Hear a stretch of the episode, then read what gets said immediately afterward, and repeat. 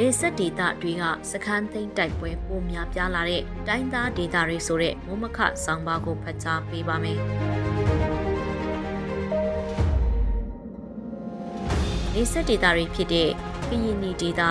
ကရင်ပြည်နယ်တို့နဲ့ထိုင်းနယ်ဆက်ကစစ်ကောင်စီရဲ့စခန်းတွေနဲ့ပဲခူးတိုင်းအတွင်းကအချို့စခန်းတွေကိုခုလပိုင်းမှာတိုင်းသားလက်နက်ကိုင်အဖွဲ့တွေနဲ့ PDF တွေပါပူပေါင်းပါဝင်တက်ခိုက်ပြီးသိမ်းယူတာတဖြည်းဖြည်းများပြားလာတာတွေ့နေရတာဖြစ်ပါတယ်။မချခင်လပိုင်းတွေအတွင်းကရင်နီပြည်နယ်မဲဆစ်မြို့ကစစ်စခန်းနဲ့ရဲစခန်းတကူကိုသိမ်းယူခဲ့ပြီးနောက်တိုက်ပွဲတွေဖြစ်ပွားနေတာကြောင့်ထိုင်းနိုင်ငံနဲ့နေဆက်မြို့ဖြစ်တဲ့မင်းဟောင်ဆောင်ဘက်ကိုဒေသခံထောင်ခနန်းနဲ့ကြီးထွက်ပြေးတိမ်းရှောင်ခဲ့ရတဲ့အဖြစ်တွေဖြစ်ပွားခဲ့ပါတယ်။အဲ့ဒီအဖြစ်ပြက်တွေနောက်မှာ ကရင်ပြည်နယ်မြဝတီမြို့နယ်ကစစ်ကောင်စီနဲ့ BGF တွေထိန်းချုပ်ထားတဲ့လက်ခတ်တောင်စခန်းကုန်းကို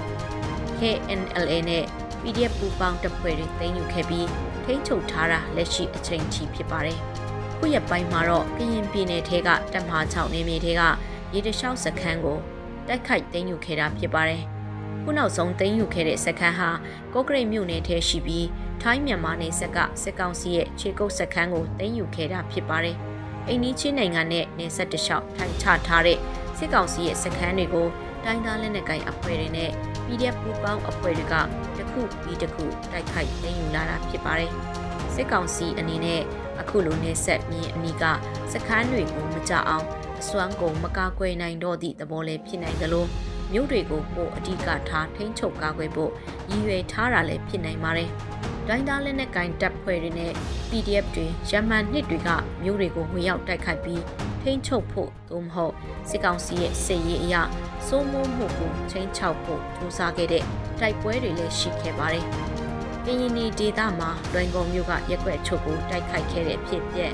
မိုးပြေဖေခုံစတဲ့မြို့အနီးတွေမှာဖြစ်ပွားတဲ့တိုက်ပွဲတွေနဲ့ကရင်ပြည်နယ်မှာပိုကရိမြို့ကိုနှစ်ကြိမ်တိုင်တိုင်ဝင်းရောက်တိုက်ခိုက်ခဲ့တဲ့တိုက်ပွဲတွေရှိခဲ့ပြီး ဆိုပါတိုက်ပွဲတွေမှာစစ်ကောင်စီဘက်ကလေကြောင်းကအကူအညီနဲ့ပုခံတိုက်ခိုက်ခဲ့လို့တိုင်းသားလက်နက်ကိုင်အဖွဲ့တွေနဲ့ PDF အဖွဲ့တွေပြန်လည်ဆုတ်ခွာခဲ့ကြတာဖြစ်ပါတယ်။စစ်ရေးအရနေရာယူစစ်လို့စိုးနိုင်မဲ့မြို့တွေကိုတိုက်ခိုက်သိမ်းယူဖို့အစဉ်ကိုတက်လှမ်းဖို့အနေထားကတော်လိုင်းတပ်ဖွဲ့တွေဘက်မှရှိတဲ့လက်နက်ရန်နေရာလေကြောင်းရန်အကာအကွယ်စရတွေမလုံလောက်သေးတဲ့အနေထားလည်းဖြစ်နိုင်တာကြောင့်မြို့တွေကိုသိမ်းယူဖို့ညီမှန်းချက်ကိုပြန်လည်သုံးသပ်ပြီး နေဆက်စခန်းတွေကိုရည်ရွယ်တက်ခိုက်ဖို့ဆုံးဖြတ်ခဲ့တဲ့သဘောလည်းဖြစ်နိုင်ပါတယ်။စစ်ကောင်စီအနေနဲ့၎င်းတို့ရဲ့တပ်ရင်းတွေ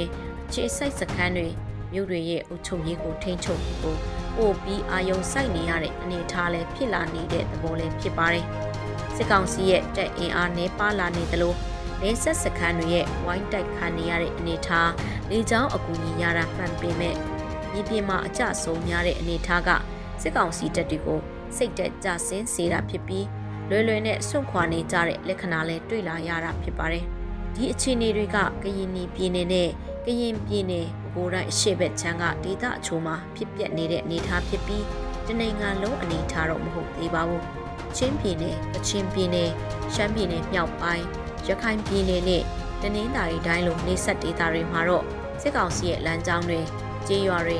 နေတွေမှာတိုက်ပွဲတွေဖြစ်ပွားတာမျိုးတွေရှိနေပေမဲ့လည်း စခန်းတွေသိမ်းယူတာမျိုးအနေအထားမတွေ့ရသေးတာဖြစ်ပါတယ်။အချို့အားဖြင့်အကဲဖြတ်ကြည်ရရင်ပြီးခဲ့တဲ့6လတစ်နှစ်တာကာလအတွင်းကရင်ပြည်နယ်ကရင်ပြည်နယ်နဲ့ထိစပ်နေတဲ့ပဲခူးတိုင်းအရှေ့ချမ်းဒေသတွေမှာစစ်ကောင်စီရဲ့စစ်ရေးအရထိန်းချုပ်ထားနိုင်မှု